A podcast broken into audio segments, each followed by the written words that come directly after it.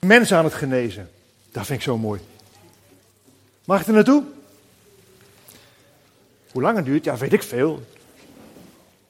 Nee, ik weet ook niet of ik voor het eh, middageten thuis ben. Wat? Oh, uh, lunchpakketje. Oh, uh, ja, dankjewel. Oh, brood en vis. Nee, prima.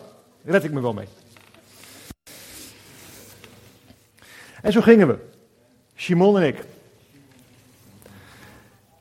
Naar het meer. En daar was die rabbi. En hij was mensen aan het genezen. Geweldig. Links en rechts mensen aan het genezen.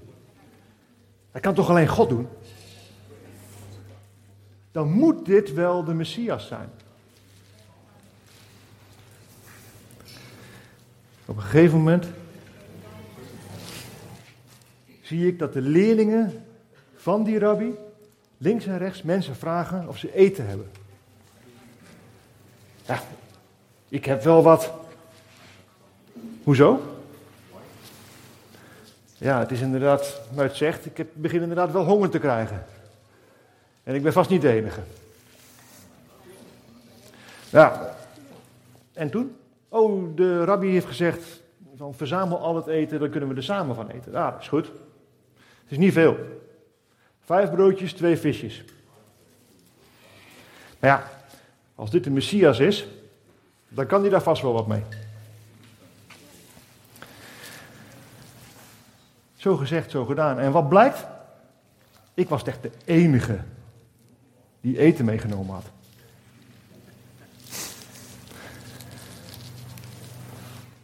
Dus die rabbi, die begint die broodjes en die vissen te breken. Mijn broodjes en visjes begint die te breken. Het wordt uitgedeeld. En hij blijft maar breken. En hij blijft maar breken en breken en breken. En iedereen krijgt te eten. Er zijn hier al 5000 mannen. En dat tel ik de vrouwen en kinderen niet eens mee. En die krijgen allemaal te eten. En ruim te eten. We zitten allemaal vol. En er blijft zelfs over. Twaalf manden vol met brood en vis blijft over. Van mijn vijf broodjes en twee visjes. Als ik thuis kom, dan heb ik toch wel een heel bijzonder verhaal te vertellen.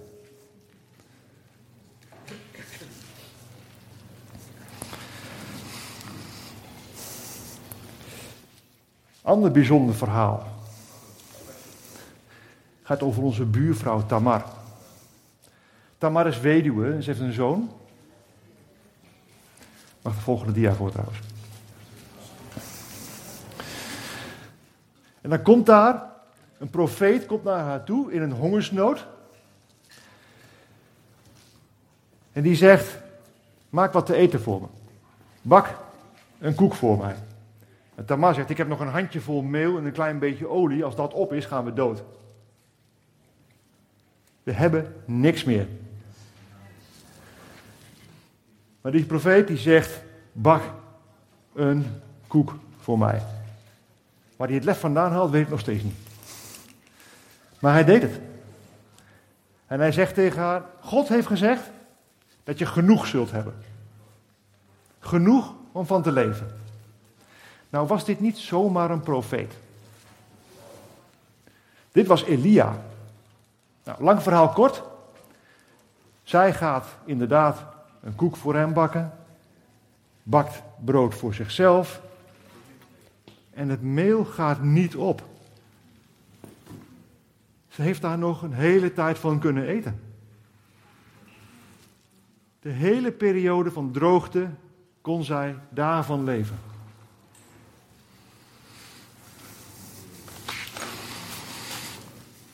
Ander verhaal. Die ga ik even voorlezen. 2 Koningen 4, versen 1 tot 7. De vrouw van een van de profeten kwam Elisa, dat is een andere profeet, om hulp vragen.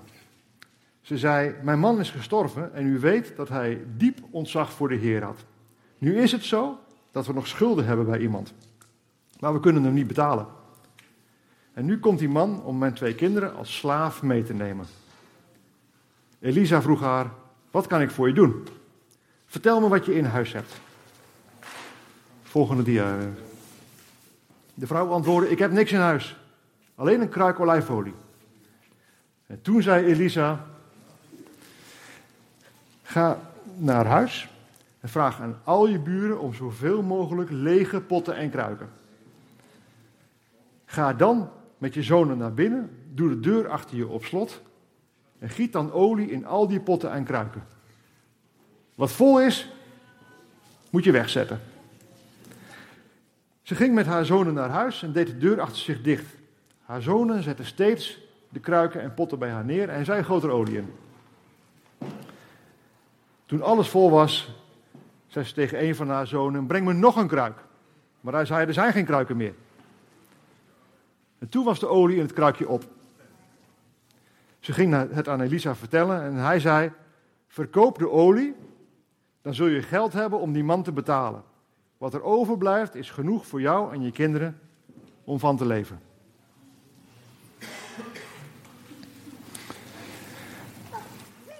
Dan denk je misschien, is mooi, die, al die verhalen. waarom vertel je dat in vredesnaam?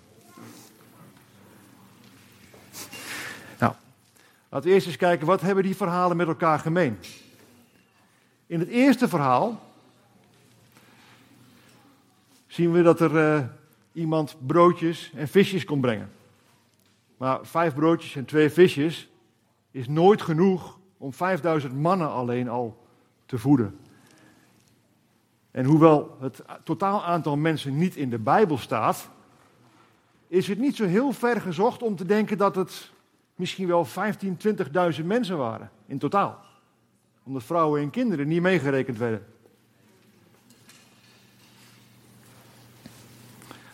Vijftien tot 20.000 mensen voeden met vijf broodjes en twee visjes. Kan natuurlijk helemaal nooit. Maar ja, Jezus. Het tweede verhaal ging om een handje meel en een beetje olie. Dat is nooit genoeg om iemand langere tijd te voeden. Maar God voorzag.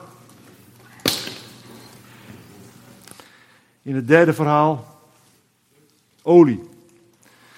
Of het zo'n klein kruikje was als daar op de foto, dat weet ik niet. Maar één kruikje olie, daarmee kun je niet hele massa's potten en kruiken vullen. Er staat ook niks in de Bijbel of het er zoveel waren als hier staat hoor, maar ik vond dit wel een leuk beeld. Want als jij olie vanuit het kruikje in een andere pot giet, dan gaat het kruikje leeg en die pot misschien, als hij toevallig dezelfde inhoud heeft, vol en dat was het dan. En je kan niet blijven schenken. En blijven schenken. Behalve als God zegt dat je dat moet doen.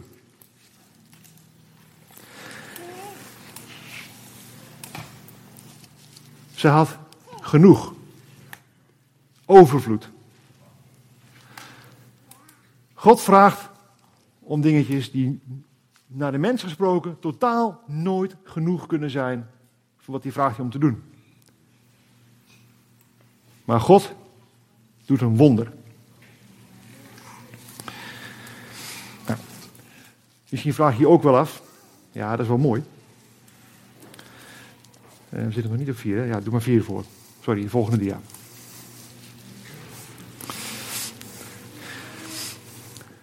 Maar waarom vertel ik dit?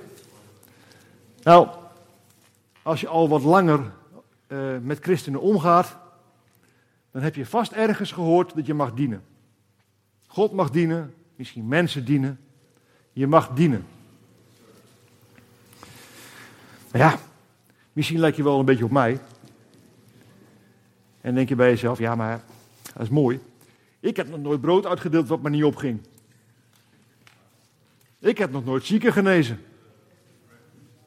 Tenminste, niet dat ik weet. Ik kan dat niet. Misschien denk je wel, ik ben dat niet waard. Anderen zijn veel beter geschikt. Kunnen dat veel beter. Laat anderen het maar doen. Het zit niet in mij. En dus, dus doen we maar niks. Want zo gaat dat soms, hè? Bij mij wel. Ik heb een MAVO-diploma. Maar de meeste van mijn vrienden en kennissen zijn HBO-universitair opgeleid. Dan ga je toch denken: hm, wat stel ik er eigenlijk voor? Ik ben militair, dat is bijna ongeschoold werk. Wat heb ik nou te bieden? Maar weet je, God vraagt je niet om dingen te doen die andere mensen doen. God vraagt jou om wie jij bent. Hij heeft jou gekozen om jouw specifieke gaven en talenten. Wat jij kunt doen. En hij vraagt je dat niet omdat het moet. Hij vraagt je of je het wilt doen uit liefde voor hem.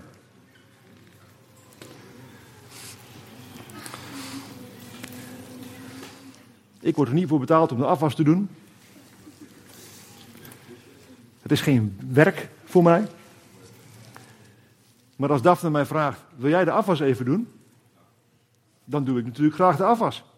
Waarom? Niet omdat het moet, maar uit liefde.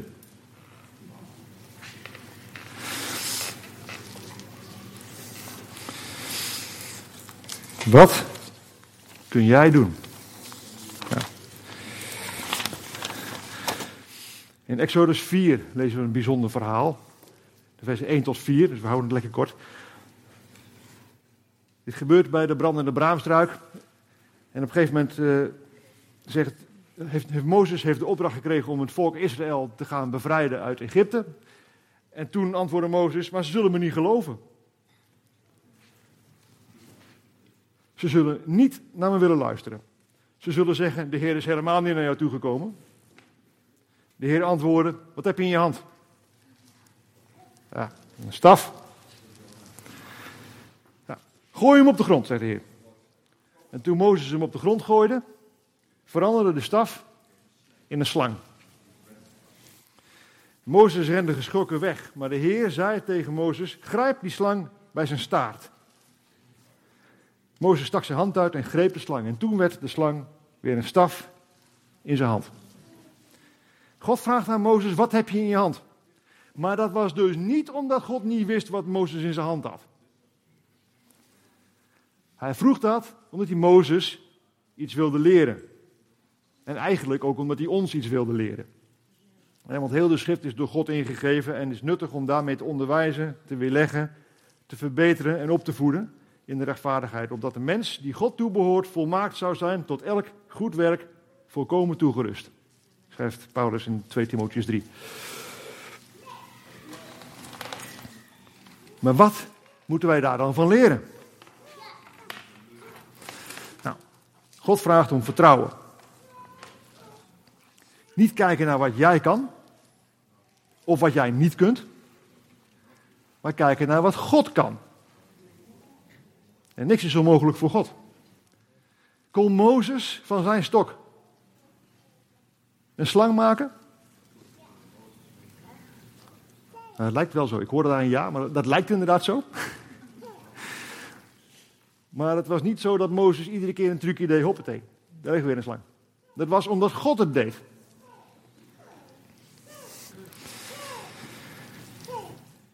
Vijf broodjes, twee visjes zijn niet genoeg om zo'n 15.000 mensen te voeden. Maar God. Een handje meel is niet genoeg om jou voor langere tijd te voeden. Maar God. Kruikje olie is nooit genoeg om heel veel potten en kruiken te vullen. Maar God. Mag de volgende dia voor. Die jongen uit het eerste verhaal. Broodjes, visjes, dat verhaal. Die was niet bang voor teleurstelling of vernedering. Hij gaf gewoon wat hij had af aan de discipelen. En de discipelen die dachten misschien wel, joh, vijf broodjes, twee visjes, heb je gezien wat voor mensenmassa hier staat? Dat is een druppel op de gloeiende plaat. Hè? Wat een belachelijke bijdrage lever jij. Maar Jezus, die zag het. Die nam het aan en die ging ermee aan de slag. Kijk, het gaat er helemaal niet om dat we grote dingen doen. Mag de volgende dia voor? Dingen die heel erg in het oog springen. Misschien ben jij geroepen om zoals een Reinhard Bonke hier miljoenen mensen in Afrika naar Jezus te leiden. Misschien ben je daartoe geroepen. Halleluja, prijs de Heer, ga ervoor. Maar verderweg, de meeste mensen zijn daar niet specifiek voor geroepen. Dit is trouwens geen trucjefotootje. Dit was heel gewoon voor hem. Hij leeft helaas niet meer, maar zijn opvolger heeft dezelfde ervaringen.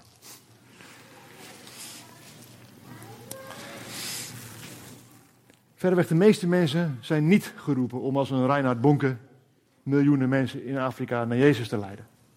Volgende maar. De meeste mensen zijn geroepen voor iets veel minder in het oog springen. Maar maakt het uit? Wie heeft het meeste effect op de wereld voor het koninkrijk? Was dat Reinhard Bonker die miljoenen mensen naar Jezus leidde? Of was dat misschien wel die zondagsschoollerares die Reinhard vertelde over Jezus? Maakt het voor God überhaupt verschil wat je doet?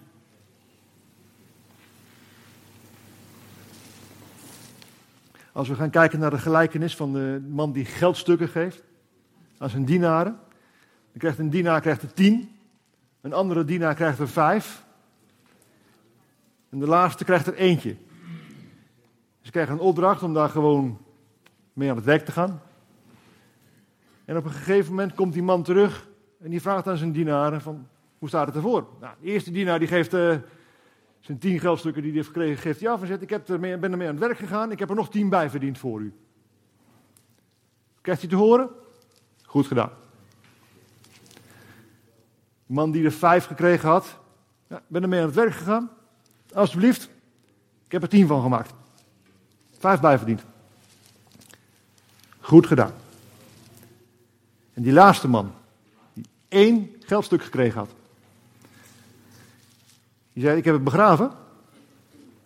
Want ik weet dat je streng bent. Hier heeft u hem terug. En wat krijgt hij te horen?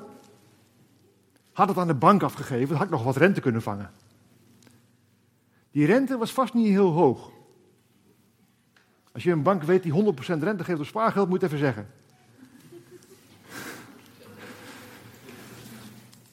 Het gaat er niet om wat je doet, maar dat je wat doet met wat je gekregen hebt. Wat jou toevertrouwd is.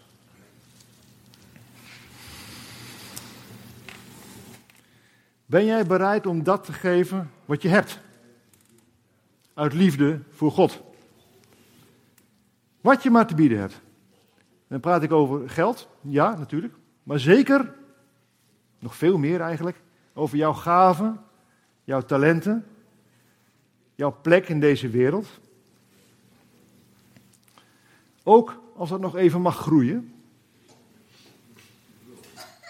Gewoon aan de voeten van Jezus leggen. Ben je daartoe bereid?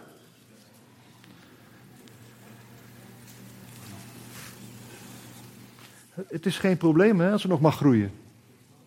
Dan mag het groeien. Dan word je er misschien langzamerhand beter in. Meer zelfvertrouwen. We moeten volhouden. We moeten God vertrouwen. En natuurlijk probeert de vijand je te ontmoedigen. Natuurlijk probeert de vijand ervoor te zorgen dat wij niet gaan doen wat God van ons gevraagd heeft. Hoe klein ook.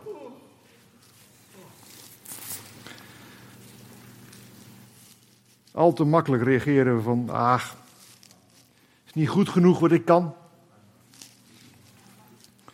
Een ander is veel geschikter. Wie denk ik wel dat ik ben? Misschien denk je het ook wel uit trots. Moet ik dat doen? Ja, dag. Daar ben ik te goed voor. Laten we God vragen om leugens waar we in zijn gaan geloven te ontmaskeren, aan het licht te brengen. Dat we ermee aan de slag kunnen. God vraagt om een vertrouwen. Hij vraagt er niet om dat je expert bent op alle vlakken, voordat je ergens aan begint. Je hoeft niet de beste gitarist ter wereld te zijn om op het podium gitaar te kunnen spelen. Al ken je twee of drie akkoorden. Sterker nog, de meeste liedjes zijn drie akkoorden. Je hoeft niet prachtig mooi te kunnen zingen. Al zing je met talent van een kraai. Als God jou vraagt om te zingen, dan zing je toch?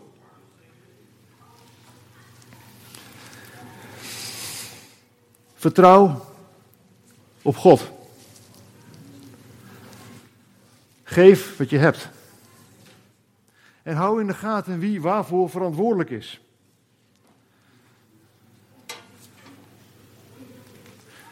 De volgende mag ervoor. Wie is waarvoor verantwoordelijk? Spleet Mozes de zee? Kon Mozes dit trucje toepassen? Of deed God dat?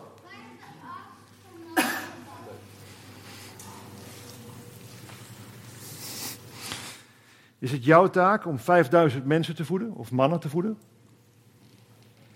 Of is dat Gods taak?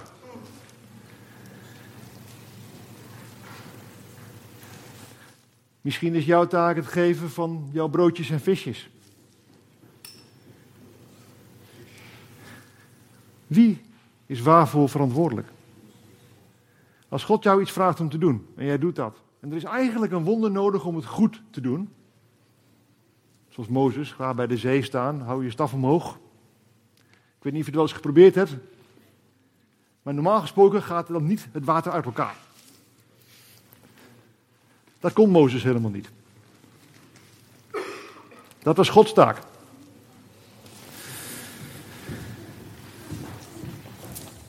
Doe de volgende maar voor. Het is niet onze taak om die 5000 mannen te voeden. Het is onze taak om alleen maar onze broodjes en visjes aan Hem te geven en aan Hem toe te vertrouwen. Aan Hem komt toe alle lof, alle eer, alle dank en alle aanbidding. Ik wist dat ik daar een aanbidding op zou krijgen. Alle lof en eer is voor Hem, de enige wijze God, door Jezus Christus, voor altijd en eeuwig. Amen. Ik bid dat God jullie geschikt zal maken om alles te doen wat Hij van jullie vraagt. Hij zal door middel van Jezus Christus in jullie werken. Alle eer is voor Hem, voor eeuwig. Amen. Zo is het.